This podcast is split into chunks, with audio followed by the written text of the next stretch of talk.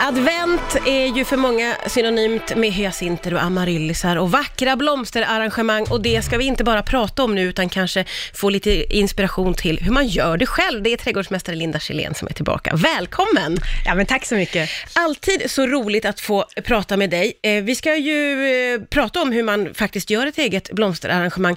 Får jag börja med att fråga, går det trender i det här? Vad är det som gäller? Ja, men det går trender och jag skulle säga att det är år, och det är knappt att man ska säga att det är en trend, för det är liksom så vi ska leva, det är komposterbara julgrupper. Ah, okej.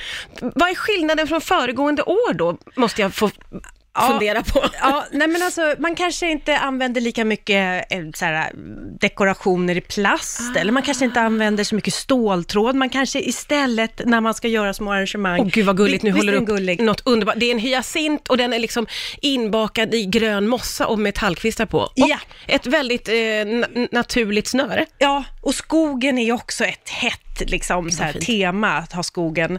Men precis, och det här snöret det gör ju att man kan faktiskt slänga den här på komposten, fast en hyacint kan man ju plantera ut. Ja, eller hur? Alltså det där var ju bara för gulligt. Vi får lägga Visst upp eh, söta bilder, för du har tagit med dig fina Ja. saker. Vi lägger ut på sociala medier så man får titta. Ja. Eh, och, och det här kunde vi enas om lite grann, du och jag, att det känns som att i år, förutom att folk är tidiga med att ta fram lite adventspynt, så är det också många som ger sig på att pyssla lite. Ja, Eh, och då är det ju det är helt rätt i tiden, tänker jag, att tipsa lite grann om hur man gör ett eget jularrangemang. Vad ska man tänka på? Jag tycker att man kan gå på ett tema. Antingen kanske man vill liksom få fram det där vinterlandskapet, det frostiga, det silvriga. Eh, och sen så kanske man vill ha traditionellt, där skogen får göra entré. Lilla rumsgranen med mossa och gröna växter och någon lärkkvist. Eh, Men det kan ju också vara det klassiskt röda temat med amaryllisen och julstjärnan. Ja, och, och då kan man ju också återanvända, tänker jag, mycket av det man har i sitt julpynt och så, om man nu vill ha lite tomtar och dutt. Ja, absolut. Eh, Och det är ju det som jag tycker är så roligt med att göra julgrupper, för de blir ju som små miniatyrlandskap. Det vara så gulligt. Ja, eller hur? Ja, det är så fint. Men du tänker ju också lite att man kan utgå ifrån om man har en fin kruka, vad jag förstår. Mm. Jag brukar alltid titta på krukan, dels så plockar jag upp färger från krukan, men också om jag vill ha en liten elegant julgrupp, eh, då brukar jag vilja ha en som är som på en pokal, där den står på en fot. Eh, Ja. Vill man däremot ha någonting som är lite mer robust, sådär, eh, då kan man ju då bara ha en skål. Men man kan ju återanvända socker, eh, liksom, vad heter det, socker... Åh, gamla burkar och Ja, sånt där. gamla burkar. Åh, gud vad fint. Ja. Ser jag framför mig nu. Jättefint. Blir otroligt uppspelt. Jag tänker, jag tänker på det. Men jag har sett någon bild hemifrån på din Instagram att du har ju använt eh, gamla såna här eh, krukor med... Eh, Ja, jag har mycket gamla krukor som när man liksom tar fram dem till jul så blir de supergulliga plötsligt. Ja, du har tagit med dig fina saker. Eh, Det kommer ut bilder på vår Insta-story. Eh, Och med väldigt enkla medel så gör ju du så himla smarta saker. Eh, Du hade en amaryllis som har fått en liten krans på sig så enkelt. Ja, jag har tagit en ståltråd, här, en liten stomme, och sen kan man även man kan använda, använda halm och göra en stomme utav. Till och med tidningspapper kan man använda och göra stomme utav sådär och forma runt. Ja. Och sen så har jag eh, lagt på buxbomkvistar som jag har liksom eh, s- såhär, lindat in här.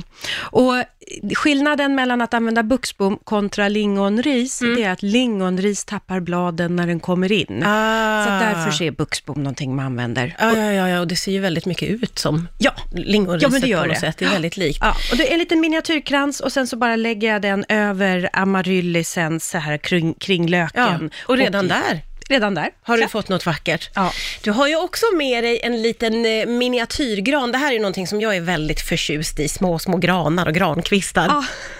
och jag har med mig en rumsgran. Och rumsgranar, de eh, finns att få tag på egentligen nästan i, var, alltså i varje trädgårdsbutik. Men Ja. det som är så charmigt med rumsgranen, det är, ser du det? Den har en inbyggd Ja, den stjärna i toppen. Det är helt magiskt, jag har inte ens tänkt på innan. Den har en stjärna högst Den upp. har en inbyggd stjärna i toppen. Otroligt gulligt. Och den är dessutom eh, en, ett säkert kort om du inte har gröna fingrar, för att den eh, är en överlevare. Den visar när den vill ha vatten, för då går grenarna, då vinklar den ner den. Ja, ja, ja, ja, ja, precis.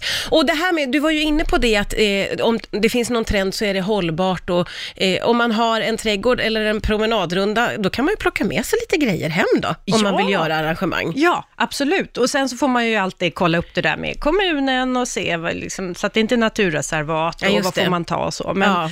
men, om det ligger lite lösa kottar, det, Ja, eller? ja, ja, Eller hur är reglerna, ja, Linda? exakt. Hur är reglerna? De varierar nog ifrån, Ja. men man vet, kan ju alltid vara säker på sin egen tomt. Ja, men verkligen. Och så kanske man har goda grannar man kan prata om och man kanske får knipsa någon eh, eh, kvist från något prydnadsträd. Eh. Ja, för då finns det ju väldigt mycket fint att men stoppa i och liksom eh, göra. Verkligen. Eh, vi har ju nämnt amaryllis har du med dig Mm. och hyacinten. Det är ju otroligt klassiska julblommor. Ja, men det är det. Och sen har jag en annan här, apropå hållbart, så är det här en, jag visar upp en julros. Den har jag sett väldigt mycket i sociala medier i år. Ja, den är ju en trend skulle jag ju säga. Mm. Eller trend, men den är så här stilren och jag vet att de här vita julgrupperna, det är nog faktiskt de som är populärast. Ja, det är så. Ja, det är det. Eh, och det är väl också för att de fungerar även när julen tar slut, så passar det så fint Ja. även in på nyårsafton. Men en julros, och här har jag en vit julros, och då vill jag tipsa om att om man nu ska köpa en julros och ha den inomhus, det här är ju egentligen en utomhusväxt som vill ha kyla, Mm. då ska man välja en julros som inte har en massa eh, blad, utan som Okej. bara har blommor. Jag kallar den för de är nakna stjälkarna. Mm. Och sen så kan man eh, vattna den här med iskallt vatten, alltså isvatten. Mhm. Snöar ute, då kan man gå ut och hämta snö och så Nej. lägger man på den här, så man kyler ner den. Jaha, men gud vad speciellt. Ja, den är ju väldigt, väldigt vacker. Ja. Det Den gäller är... även cyklamen. Alltså är det så? Ja, att den vill ska också ha is. isbitar. Kyl ner den. Jaha, här kommer, här kommer det nyheter för mig, som vanligt när du är här.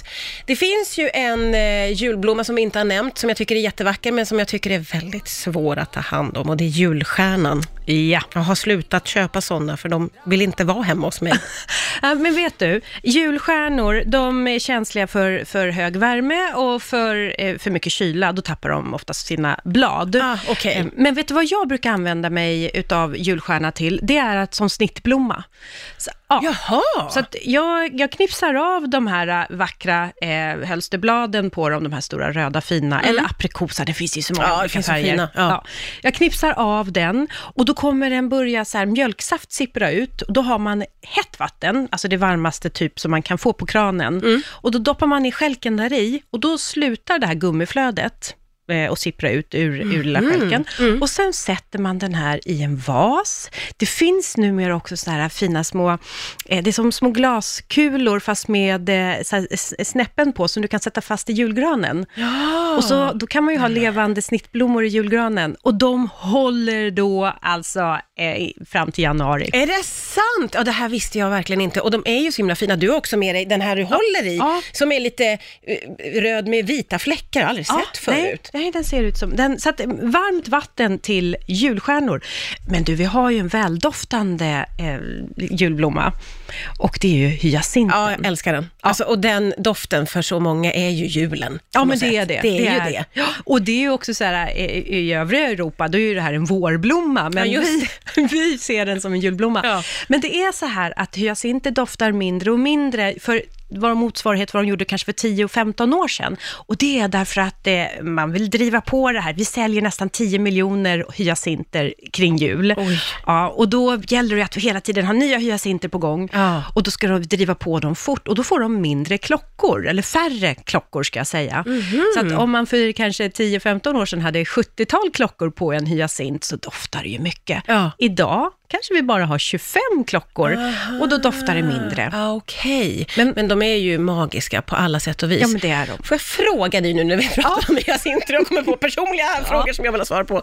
Om man köper hyacinter som snittblommor, som jag älskar också, ska man klippa bort den här lilla knölen längst ner eller ska man ha den kvar när man sätter dem i vas? Pr- Pratar du om löken? Nej, jag tänker på när hyacinterna kommer som en bukett, som snittblommor, Ja. så är det ofta en liten mm, tjock grej längst ner. Aha, eh, oj vad jag inte riktigt förstår dig här. Men Gör du inte det? I slutet av skälken så är de Ja. liksom väldigt Kraft- mycket, ja, kraftigare, som små stubbar ser det ut som. Nej men klipp av där då. Klipp av. Ja, Ja, det. Så, Ja. Och då kan du ju också suga upp vattnet bättre. Ja, för det är så man brukar göra med, när man ska, mycket bra tips. Vad har du själv för favoriter när du får göra jularrangemang där hemma?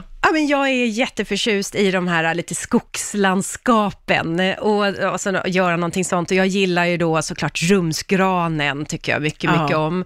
Eh, Men jag menar amaryllis, vad skulle väl en jul vara utan amaryllis? Det måste vara den vackraste blomman som finns på jorden. Ja, men den är Alltså, så de är pampig. oerhörda. Och det finns så mycket olika. Ja, oh ja, man kan bli samlare utav amaryllis. Åh, tänk att vara det.